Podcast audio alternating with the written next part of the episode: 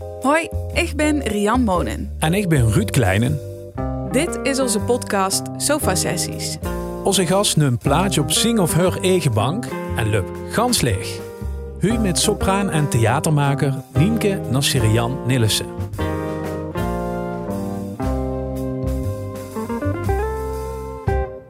Nienke, Nassirian. Er is meteen verwarring over je naam, hè? want het- dit is je voornaam, punt. Ja. Ja, Ja, ja, dat klopt. Mijn achternaam is Nillissen, inderdaad. Maar eh, mijn oom, die dacht... zeg maar, mijn oom, de, de, de broer van mijn stiefvader, die dacht zelfs dat Nasserian de achternaam van mijn vader was of zo. ja, dat, Ja. dat dacht ik eerlijk gezegd Ja, ook. Ja, maar Nee, maar het is gewoon je voornaam.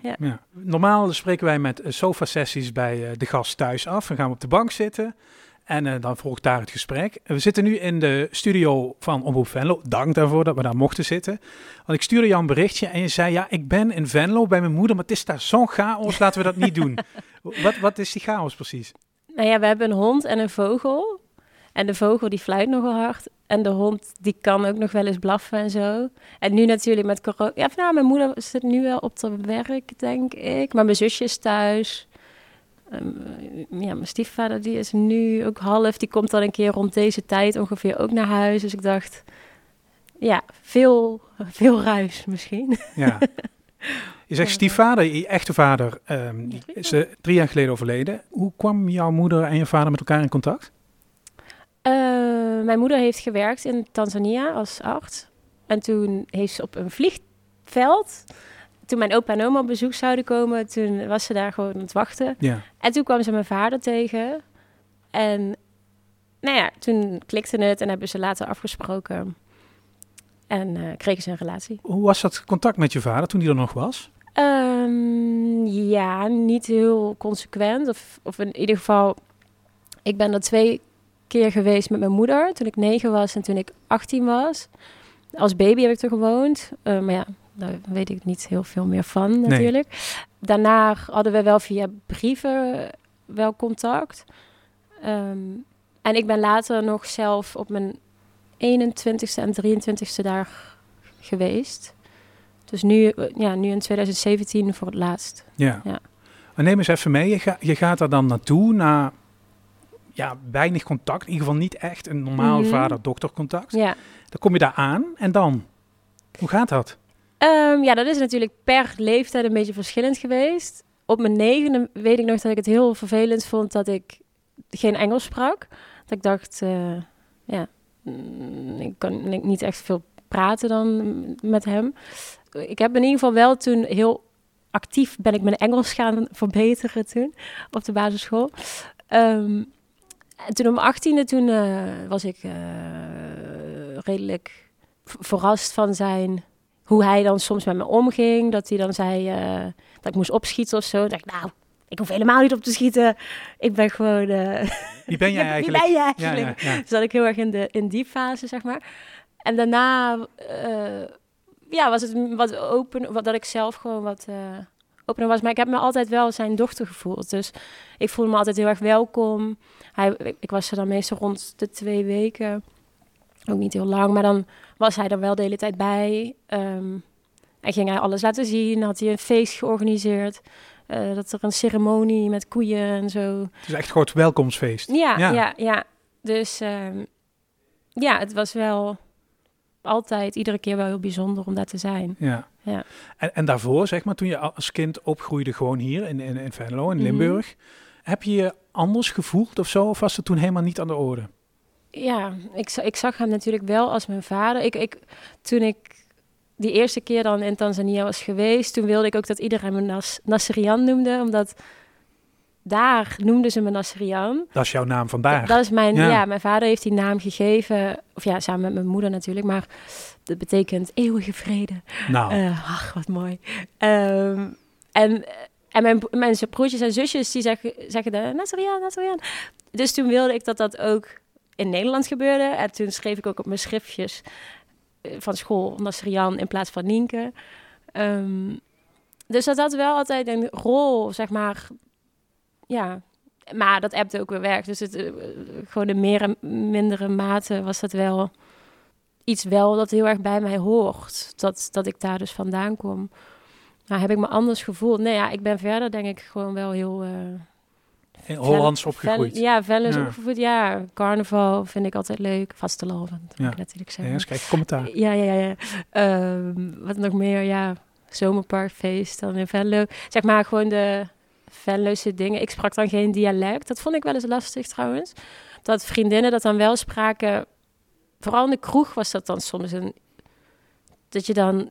Ja, weet niet. Dat het dan raar voelt om mee te praten in een gesprek. Omdat het dan... Was het keus van je moeder om, om je niet in dialect op te voeden? Of, of Ja, spreekt zij het niet? Kan jawel, jawel. Zij spreekt het wel. Dus zij en René... Ja, zij spreken het met elkaar. Maar mijn zusje bijvoorbeeld, van mijn Nederlandse zusje... Zij, zij, spreekt ook, zij is ook Nederlands opgevoed. Dus tegen de kinderen praten ze Nederlands... en tegen elkaar Venlo's. En dat gaat allemaal prima. Eh, maar dat was, denk ik, omdat ik dan als baby... dan sprak ze dan gewoon Nederlands, denk ik, met me. En soms een paar woordjes Swahili... Maar niet, op je tweede kan je nog niet echt praten, toch? Of wel? Nou, ja. Beetje brabbelen, denk ik. hè? Brabbelen. Nou, velen blijven dat hun hele leven doen, hoor. Ja, brabbelen, ja. ja. Hey, even naar de muziek, want ja, dat is jouw, jouw core business. Daar draait alles om. Eh, je begon met klarinet, hè? Ja. Speel je nog wel eens? Mm, nou, met, met, eh, in de optocht dan, met, met vastlopend, heb Ja. ik het... eh, maar dat was afgelopen jaar niet. Dus dat, dat hou je nog wel bij dan? Nou, nee, dus eigenlijk niet. Alleen, voor vasteloven? alleen dan ja. Dan heb ik ook altijd last van mijn mond, want dat ben ik niet, niet meer gewend. Nee, want ik zou zeggen, je, je speelt dan klarinet. Oké, dat, is, dat is een vertrekpunt, muzikaal gezien. Mhm. En als je dan in de eh, tienerjaren komt, dan kan ik me zomaar voorstellen dat je, laat ik zeggen, kiest voor een coverbandje met die liedjes die iedereen kent. En nou, dat is eigenlijk makkelijk scoren, laat ik dat maar even zo noemen. Mhm. En jij hebt toch net iets anders gedaan. Kan je dat herleiden hoe dat kan? Nou ja, ik wilde zingen op een gegeven moment. En ik heb ook vroeger wel bij een koortje gezeten. Dus, ehm, dus ik vond zingen altijd wel leuk. Maar ja, klarinet. Ja, ik heb wel ook getwijfeld of ik met klarinet naar het conservatorium zou willen.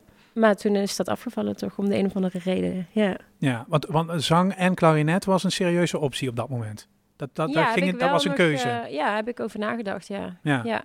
Waarom dat het nou niet is geworden, weet ik eigenlijk niet. Maar beetje impulsieve keuze dan. Of zag je Ja, jezelf meer schitteren als zangeres? Dat kan ook, hè? ja, ik denk wel dat het zingen in ieder geval wel meer trok dan. Ja. Ja. Maar je, je hebt de, eh, v- eh, zeg maar, verdiept in jazz qua zang en klassiek. Mhm. Ho- Hoezo niet de popkant? Want daar wilde ik eigenlijk naartoe. Dat is Ah, dan de, makkelijke weg. Ja, nou ja, ik denk dat het ook gewoon echt met mijn docenten te maken had. Dus ik, ik zat eh, op de muziekschool dan, bij, hier in Venlo. En toen had ik les eerst van een jazzzangeres, of die van die, die kant kwam. En toen gaf zij mij dus, Kiki Manders gaf mij allemaal dat repertoire van de jazz sta- Ja. standards. En ehm, dat vond ik heel leuk. En toen ging zij volgens mij weg en toen kreeg ik een andere docent. En hij was van de klassieke kant. En toen geef, gaf hij mij ook wel eens een aria of... Dus ik ben eigenlijk heel beïnvloedbaar volgens mij. Ik heb gewoon nooit een pop, popdocent gehad. Uiteindelijk ga je een, een stijl omarmen en denk je van dit Ja. is het voor mij. Wat, wat- hoe valt zo'n kwartje dan? Nou ja, met klassiek had ik dat natuurlijk wel al met het klarinet spelen. Dat was ook in ieder geval, eh, ja, ik heb daarin altijd klassiek les gehad. Dus die afstand zat dan niet heel ver. Ik herkende het natuurlijk van die, gewoon hoe je zo'n zo'n partituur aanvliegt of zo. En, en ik vond het gewoon leuk en uitdagend. Terwijl ik nu soms wel eens denk, huh, het duurt wel lang voordat je een soort van, Beheerst. nou ja, beheers zou ik nog niet eens willen zeggen. staan niet eens, hè? Nee, het is, het is gewoon nooit klaar, denk ik. En dat is wel, vind ik nu, best frustrerend. Terwijl ik toen dacht, oh, dat is mooi, dan kan je het allemaal gaan uitpluizen en zo. En nu denk ik, ik zou willen dat ik het, dat het gewoon nu, dat je geen zangles meer nodig had. Nee. Dus kan, eh, Het is geen game die je uitspeelt op een nee, gegeven moment. dat is wel echt irritant, ja. Jij hebt dan de- die, die, die technische blik. In hoeverre is, is, is je stem veranderd tussen, laat ik zeggen, 18 en nu of zo? Tot je dertigste verandert dat nog heel erg. Ik weet niet waarom, maar Zijn dat, ze in ontwikkeling? zijn ze in ontwikkeling. En, ehm, en het heeft vaak te maken met je stemvak. Dat dat nog niet helemaal duidelijk is als je jong bent. Dus ik ben ook eerst als sopraan begonnen. Toen daarna werd het mezzo-sopraan. En nu zit ik we- weer als sopraan. Naarmate je beter je techniek beheerst... Ja, wordt dat duidelijker wat, wat, welk repertoire het beste past bij je stem. Ja. En daar moet je ook heel erg op gaan zitten. Vooral, ja, vooral als je wil gaan auditeren en zo moet je gewoon een heel helder beeld hebben van... dit zijn de stukken die ik met mijn stem zou mogen zingen. omdat ze je anders alweer niet echt serieus nemen. Nee. Eh, als je niet echt een beeld hebt van wat het beste past bij je stem of Nee. zo. Ja, het is... ehm, Hoe- Hoeveel werk is het om die stem goed te krijgen, of misschien wel goed te houden? Want jij zegt, God van vastelovend. mhm. Nou, dan krijgt hij een knallen, hè? Ja, ik ben wel eens hees geweest. Nou, maar, maar, maar sta je dan in de kroeg van, shit, moet toch een beetje oppassen. ja, nou ja, ik zou, als ik een optreden had, zou ik het ook niet vieren. En op een gegeven moment niet meer meezingen, hoe lastig het ook Playbacken. is. Playbacken. Ja. Maar het is al met, maar dat is met, ja, gewoon überhaupt in de kroeg staan, dat je, volgens mij is nog het ergste om over de muziek heen te willen praten met mensen. Dan ga je gewoon forceren. Ja, dus daarom let ik wel echt op of er dingen gepland staan en of ik dus dan wel of niet naar een festival of, Ja. een, eh, of een feest. Staat zo een extreme situatie, hè, carnaval. Mhm, maar, ja. maar, maar, maar door het jaar heen, je bent iedere dag met die stem bezig.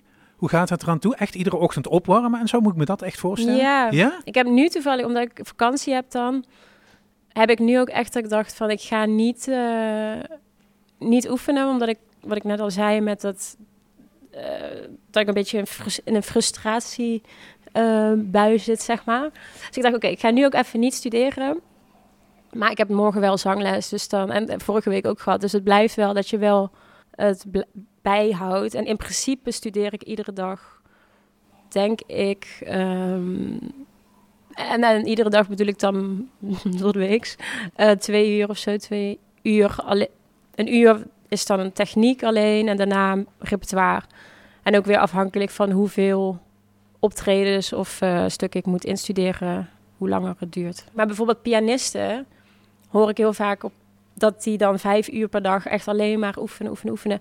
En met een stem ho- houdt het op een gegeven moment gewoon op. Dan merk je van, oké, ik kan niet meer echt goed genoeg zingen nu om door te gaan. Dat is misschien wel een voordeel. Het is een spier die vermoeid raakt. Ja, ja, ja, ja. Als je heel lang praat of eh, op een gegeven moment... Ideaal zou het natuurlijk zijn als je geen last krijgt. Maar helaas eh, is dat bij mij... op een gegeven moment ben je gewoon moe en dan eh, kan je ook niet meer goed concentreren, denk ik. Maar dat kan ook wel eens op voorhand zijn, hè? dat je 's ochtends opstaat en denkt, "Oeh, ik zit er niet zo lekker in vandaag, het voelt niet zo goed. Heb je, heb je, heb je dan Ja. de antenne die meteen een alternatief programma heeft verzonnen voor die stem en voor jezelf? Ehm, nou ja, ja, je kan natuurlijk altijd stil oefenen. Het is minder leuk, maar je kan gewoon met een partituur de tekst leren of eh, je voorstellen dat je zingt. Dat helpt al om het te verbeteren. Alleen is dat heel saai. Maar het kan Je wil gewoon echt zingen. Ja, je wil ook. Want eigenlijk moet ik ook altijd beginnen met, nou ja, eerst oefeningen, daarna via de tekst, vooral bij recitatieve. Dat is dan voor de aria dat je eigenlijk is het meer sprekend zingen. En dan moet je eigenlijk ook eerst de Italiaanse teksten spreken voordat je ze dan een keer moet zingen, omdat je dan de klemtonen en de dan lijkt het gewoon echter of zo. Je moet meer spreken dan zingen in zo'n recitatief.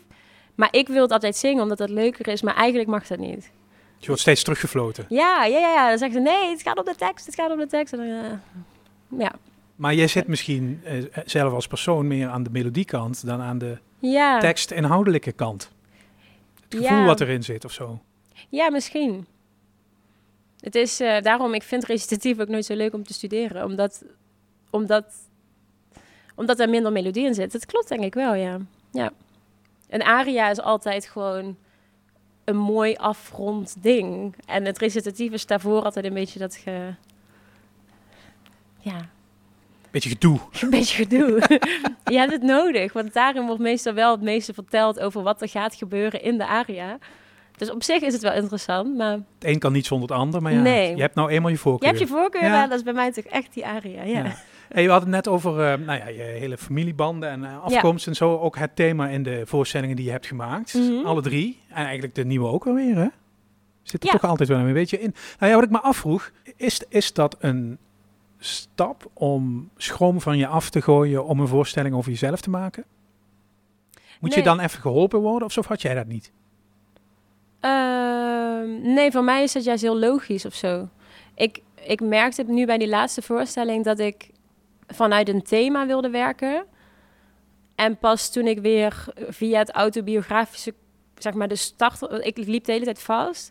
En toen het weer zo naar mezelf werd getrokken, toen, toen ging, stroomde het wel weer en vond ik het weer een hele logische, een logisch onderzoek of zo. Dus ik, ik denk dat voor mij juist die ingang van over mezelf praten, of in ieder geval over, mijn, over situaties die ik me goed kan inbeelden, of dat dat mij heel erg helpt om, uh, om uiteindelijk ook universelere thema's aan te spreken, maar wel vanuit die startpositie van het persoonlijke, ja. Dus het, het gaat over jou, maar als ik kom kijken, moet ik me er ook ergens weer een beetje in herkennen. Dat is de truc. Ja, dat is het. Eh, dat hoop ik dan dat het gebeurt, ja. Dat is dan een vrij, uh, uh, laat ik zeggen, tussen aanhalingstekens zakelijke aanpak. Hè. We maken dit voor publiek. Het gaat er voor mij, oké, dat is het vertrekpunt, maar het, het gaat voor publiek. Heb je er desondanks toch iets met die voorstelling iets mee opgelost voor jezelf? Heeft het je een ander gevoel gegeven over je leven of over je verleden? Of... Ja, het was vooral die eerste was echt het startpunt ook weer om naar Tanzania te gaan. Ik gebruikte het een beetje als excuus of zo. Van, oh ja, ik ben bezig met een voorstelling, dus ik moet daar naartoe. Ja. en nu de laatste voorstelling met Tote, die is echt heel, heel meest persoonlijke, denk ik. En um, ja, ook wel het meest kwetsbare. Lost het iets op? Ja.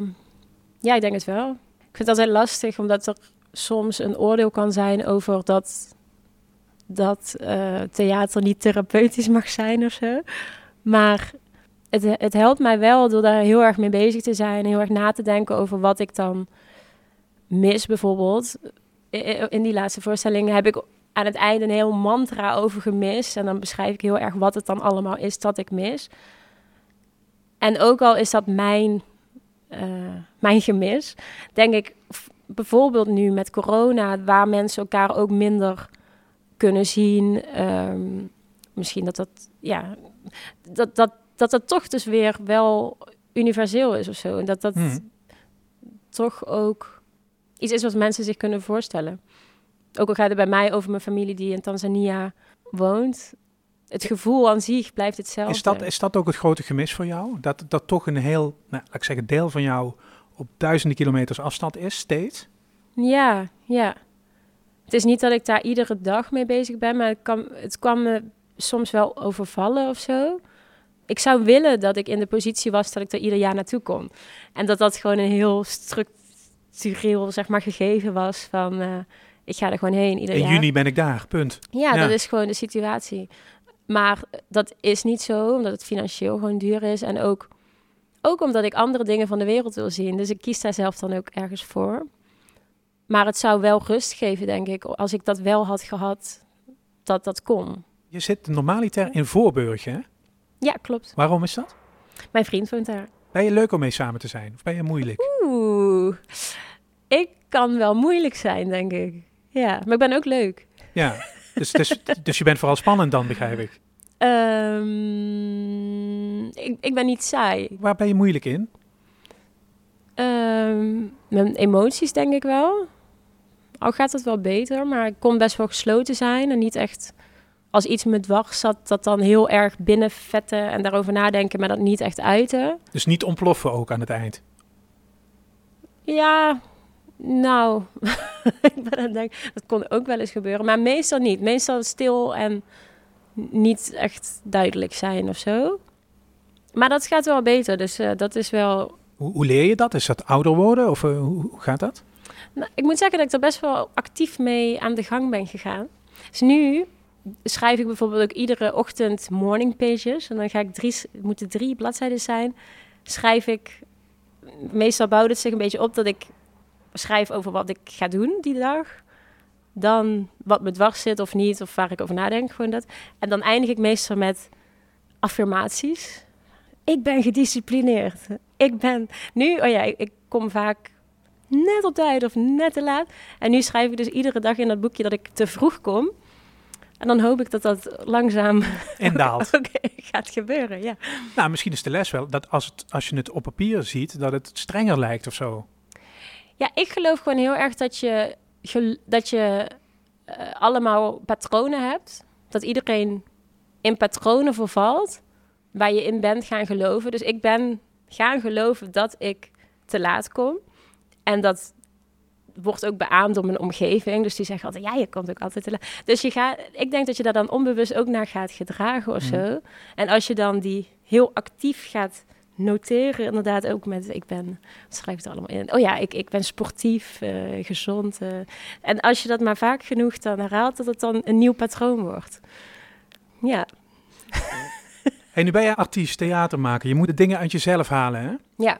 Ga je dan, is er dan een kans dat je, en misschien weet je vriend dat het beste van iedereen, dat je, dat je een soort van diva-gedrag gaat vertonen? Van het, dat het allemaal om jou draait? Ehm, ik denk wel dat ik van nature aandacht wil hebben of zo ergens. Omdat ik op een podium, het, het feit dat je op een podium gaat staan, Dus honger naar aandacht. Ja, hoeft niet. Het kan ook natuurlijk. Ja, nou ja, ergens misschien wel. Of dat je in ieder geval de noodzaak voelt om iets te delen met mensen. Ja, Ehm, en het resultaat daarvan is aandacht. maar dat is, dat is de, de, de podiumartiest. Maar hoe is dat dan privé? Loopt dat wel eens door elkaar dan? Ja, nou ja, nu, nu woon ik dus in Parijs. En dat is voor hem niet per se leuk natuurlijk. Maar ik wil daar naartoe omdat ik denk dat dat goed is voor mijn carrière. En daar hebben we het wel over. En hij laat me daar ook wel gewoon heel vrij in dat dat kan. Maar ik kan me wel voorstellen dat dat, dat als egocentrisch kan worden gezien of zo. Of dat dat iets als diep, diva gedrag van... Ja, maar dit is nog een keuze voor je carrière, toch? Dat je naar Parijs Ja, gaat. maar het, het, het, is, het, het beïnvloedt de persoonlijke sfeer natuurlijk wel. Ja, Of nu, of met nu om me heen krijg je heel veel eh, vriendinnen krijgen baby's. En dat is wel iets dat ik denk, oh ja, dit is heel erg afhankelijk van mijn carrière, hoe ik, wanneer ik die dan, als het überhaupt ook lukt en zo, hè, dat Ja. dat allemaal. Ja, je hebt Maar- misschien vriendinnen die inderdaad die baby willen en er wordt een carrière omheen gebouwd. En bij jou moet dat misschien een beetje andersom. Ja, ja, ik heb het letterlijk niet lang geleden met mijn zangdocent besproken, wat zij dan slim zou vinden qua kinderplanning, zeg maar. Dat is natuurlijk eigenlijk gek dat je dat met, je, met iemand bespreekt. Ja, dat dat niet afhankelijk is ja. alleen van mijn vriend, maar dat het afhankelijk is van een, een docent of zo. Maar goed, en, en jullie relatie ga jij dat dan uiteindelijk grotendeels bepalen. Ja, Hoe dat eraan toe gaat. ja dat is wel zo, ja. Ja. Dus dat is wel, ehm, ja. Maar wa- wat moet je dan nog eh, doen of bereiken voor, voordat je kan zeggen, nu kan ik best eens twee jaartjes voor kinderen gaan zorgen? Ik vind het lastig, omdat, eh, wat zij zei nou, eh, of het zou nu kunnen, maar dat raden ze trouwens niet aan, of inderdaad rond dan de 34 of zo, omdat je dan, als het goed is, een beetje een agent hebt of een opera-studio hebt gedaan en dat je, dat mensen je niet per se meteen vergeten als je er dan even uit, uitlicht. Maar je, ja, Ik, ik hoor je dan zeggen dat er veel concurrentie ook is. Als ze je vergeten, zijn er veel anderen. Ja, Ja, ja. het is gewoon een harde wereld. Ja, ja zeker. Het is, ehm, ja, er zijn, ja, er zijn heel veel mensen, of ja, heel veel zangers, ja, zangeressen. Maar jij bent dus ook zelf zo hard dat je denkt van ja, ik moet er dus wel staan. Als er een kans komt, moet ik er klaar voor zijn. Nou, ik heb nu vooral dat ik, ik heb een soort van, ik voel een soort van verantwoordelijkheid naar mijn stem toe. Dat ik alles uit mijn stem wil halen wat erin zit. Dus dat ik, ook al blijf je de rest van je leven zangles houden, zou ik, wil ik eigenlijk het gevoel hebben dat ik mijn zangdocent, en zij is ook gewoon carrièrecoach, dus ze doet dat allebei, weet je, psycholoog. Maar eh, dat, dat ik haar niet meer nodig zou hebben als ik dan een nieuw project heb of zo, dat ik dat zelf helemaal kan instuderen ehm, en op mijn, op mijn techniek kan vertrouwen. Ja, en dat heb ik nu nog niet, dat dat zo is. En ik hoop dat ik dat over twee jaar of zo, dat Ja? dat wel redelijk is. Dus je zit er wel tegenaan dan. Nou, nou, het gaat de goede kant op. Dus het is wel dat ik denk dat het haalbaar is ergens. Ik denk nu, dat is nu mijn ding. Ik denk dat ik te ongeduldig ben. Dus dat ik dat heel erg moet. Als ik genoeg geduld zou hebben en iedere dag netjes die oefeningen blijf doen en dat heel erg eh, gestructureerd blijf herhalen, dat dat op zich zou kunnen zijn dat ik die techniek ga beheersen. Maar dat ik nu er tegenaan loop, dat ik heel erg gefrustreerd raak van dat het nog niet lukt. En dat het daardoor ehm, bij een zangles, dat ik dan kan denken de hele tijd van... "Oh, het lukt niet. maar Dat ik gewoon denk van, Hmm. oh, zo irritant. Terwijl dat natuurlijk alleen maar afleidt van het proces en van het eh, verbeteren. Als je de hele tijd zo'n stem in je hoofd hebt die zegt van... Het is toch niet goed, het is toch niet goed. ja, dat is, schiet gewoon, het is niet echt handig om dat naar te luisteren. Heb je, heb je wel eens gedacht, zoek het maar uit, kap ermee. Ja, Maar ook een hele tijd? nee, het gaat meestal in fases. Maar ik denk het heel vaak, ja. Maar ook omdat ik niet weet of ik de wereld leuk vind. Omdat je, je streeft naar iets waarvan je niet weet of je het leuk vindt of zo. Dus daarom met mijn voorstellingen zelf maken, dat vind ik gewoon heel eh, tof om te doen. En daar heb je zelf helemaal de vrijheid wat je wil maken. En als je in een operaproductie, als ik daarin zou gaan staan, een groot, grote productie met een orkest, dat- een dirigent. Tuurlijk, het lijkt me heel leuk, maar ik kan me ook voorstellen dat ik, dat ik me, omdat je niet alles zelf mag bepalen bijvoorbeeld, dat het, dat het misschien toch niet echt iets voor me is. Ben je bang dat het een beetje fabriekswerk is, uiteindelijk? Ah, nee, dat, dat, dat dan weer niet. Maar wel dat je gewoon in een soort keurslijf moet, Hmm. moet passen. Van dit is een klassieke Dit is je rol, punt. Dit is je Ja. rol, dit is je klassieke zangeres. Je mag niet echt te veel je eigen ding doen. En dat dat me misschien heel erg tegen zou gaan staan. Maar dat weet ik niet, omdat ik dat nog nooit heb gehad. Dus je weet het pas als je dan een keer in die productie staat. Maar daarom, je, je werkt heel hard voor iets wat je dan denkt te willen. Of nou ja, dat weet ik dus eigenlijk niet. Dat, daar twijfel ik al over. Maar je moet er wel heel veel voor doen om daar dan te komen. Even, even los van de, van de productie of de voorstelling die je doet. Herken je dat moment eigenlijk? Van nu heb ik het maximale uit mijn stem geperst. Dit is het, meer zit er niet in. Nee. Nee. Dus je bent er misschien en dan weet je dat niet eens. Straks. Mm, Of of is er dan die Ja, zangcoach die tegen dan- jou zegt, ja. en nu zijn we er. Nu, nu ja, ik denk het wel. is het En zelf ook wel, als je zelf... Daarom, ik vind het ook vreselijk om mezelf terug te luisteren, bijvoorbeeld. Vooral terug te zien, dat is nog een beetje erger. Maar terug te luisteren, dat na elke zangles doe je dat meestal wel.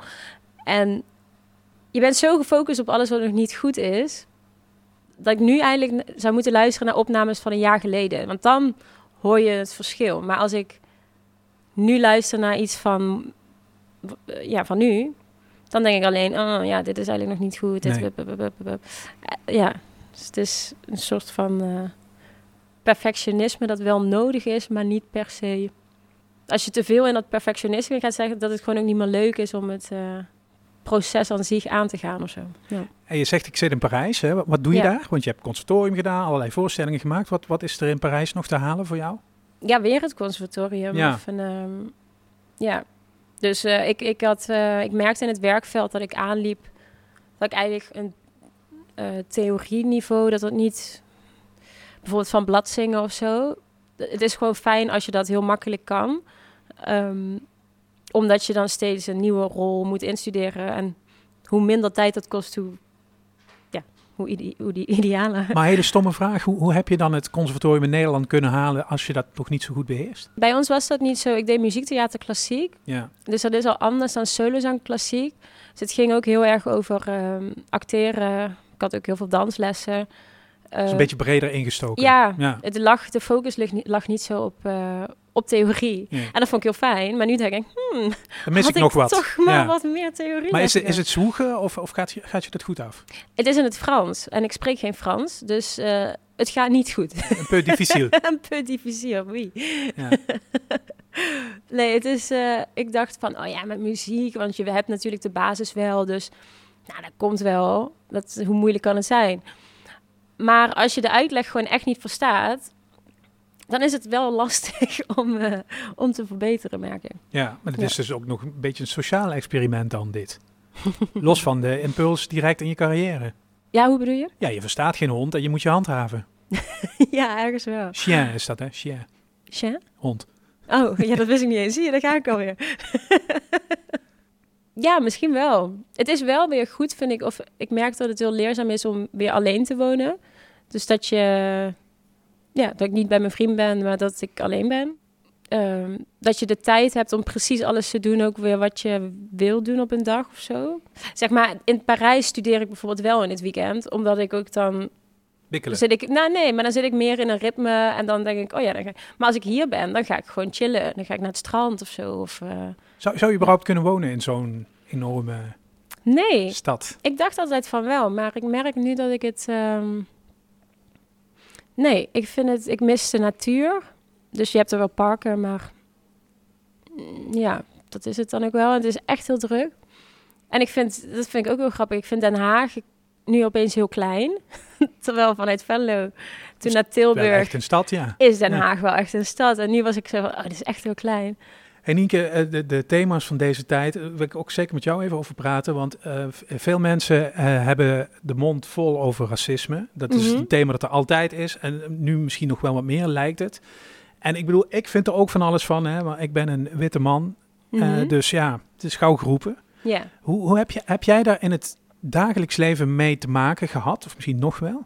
Nou, ik merk wel dat ik ehm, daar genoodzaakt wel mee bezig moet zijn of zo.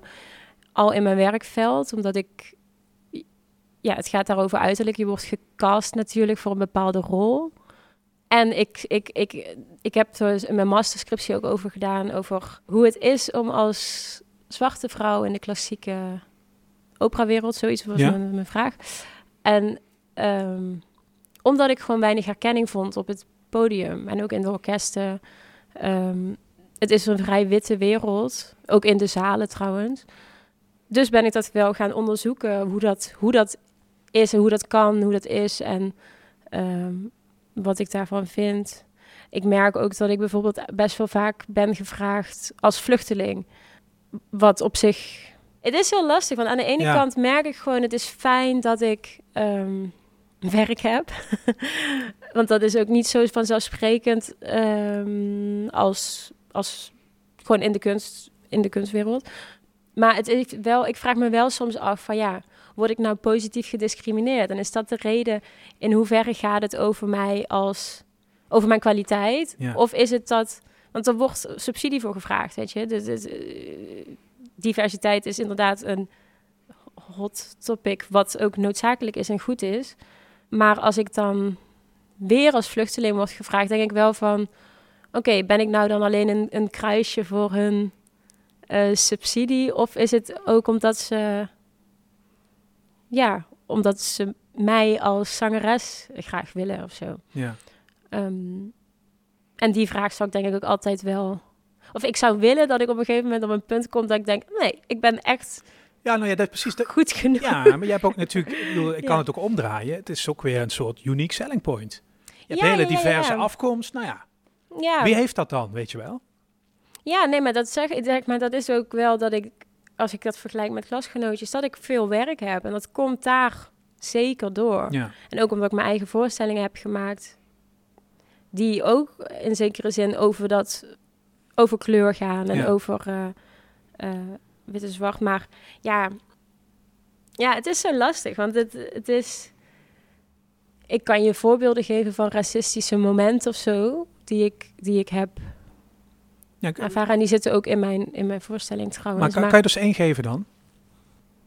Ja, ja maar eh, dat ik eh, bij een voorstelling was en dat was een gewoon als publiek. Dus ik eh, zat in het publiek en dan was er een zwarte danseres, volgens mij Braziliaans of in ieder geval zwart. En iedereen kwam in de pauze naar mij toe van, oh, goed gedanst.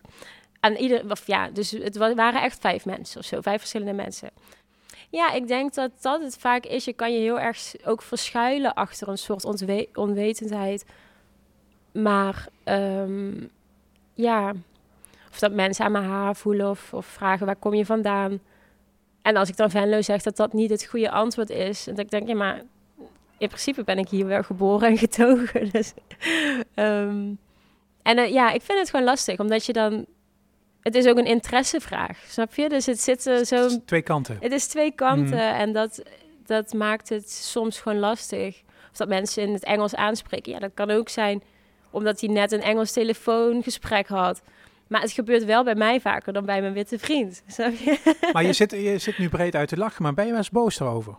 Ehm, Of denk je, nou ja, het kan ook zo zijn dat je je schouders ophaalt en denk je, ja, Nee, ik denk wel dat ik er redelijk ehm, mee bezig ben. In de zin van dat ik, als ik het hoor, dat ik er wel actief op reageer om ja, mij of de kant van de minderheden in welke eh, hoe zeg je dat, in welk gesprek het ook is, ik merk dat ik wel vaak hoor als mensen dingen aannemen waarvan ik denk, ja, maar dit, dit is niet zo hoe je, zeg maar, dit, dit klopt niet. Of in ieder geval gevoelsmatig gaat me dat wel heel erg naar het hart en kan ik ook heel fel inderdaad die discussie ingaan, omdat ik vooral als ik het niet uitgelegd krijg, dat vind ik heel vervelend. Ja. Voor mij is het een soort van vanzelfsprekendheid soms dat iets dat je iets gewoon niet kan maken. En dan denkt iemand anders in van ja, maar ja, waar heb jij het nou over? Ik ben niet racistisch. En dan denk ik, maar je, deze uitspraak is wel racistisch. En als iemand anders dat dan niet, als die dan niet wil luisteren, dan kan ik me dat wel heel erg uh, gefrustreerd van worden. Maar misschien is de gedachtegang, weet ik niet, uh, wel ook veel te weinig van hoe het bij jou binnenkomt.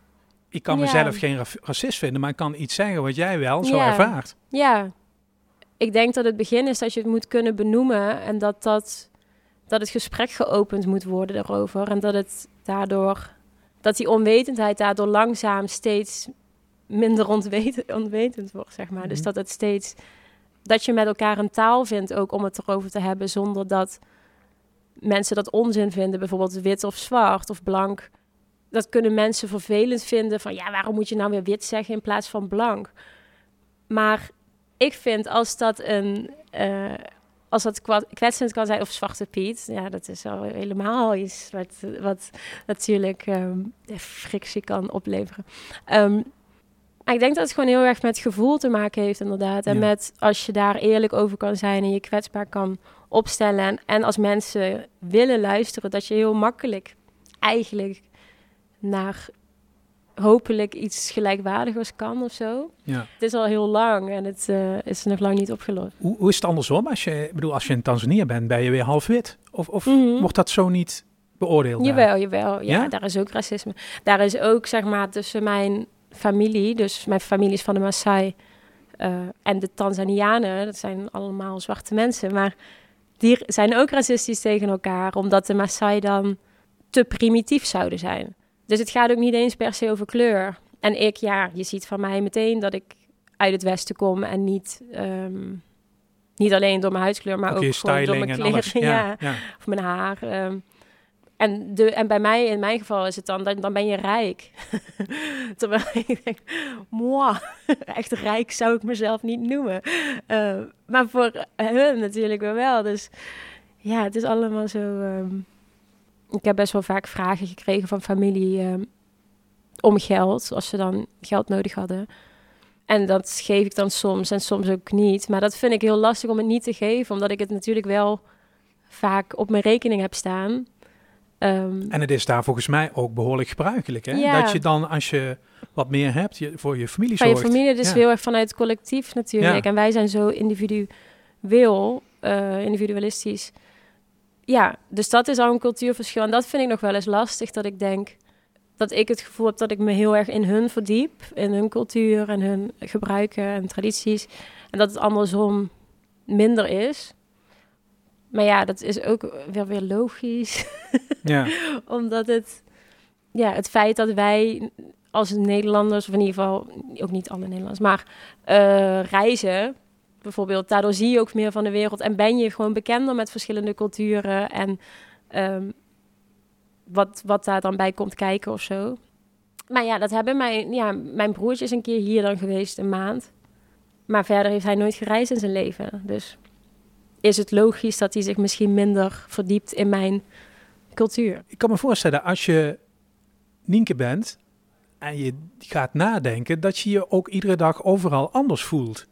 Ja, Misschien, staat, misschien moet je dat ook wel eens een keer een paar dagen uit kunnen zetten dan. ja het is, ik denk dat, maar ik denk dat het ook wel weer een rijkdom is, zeg maar, die twee culturen.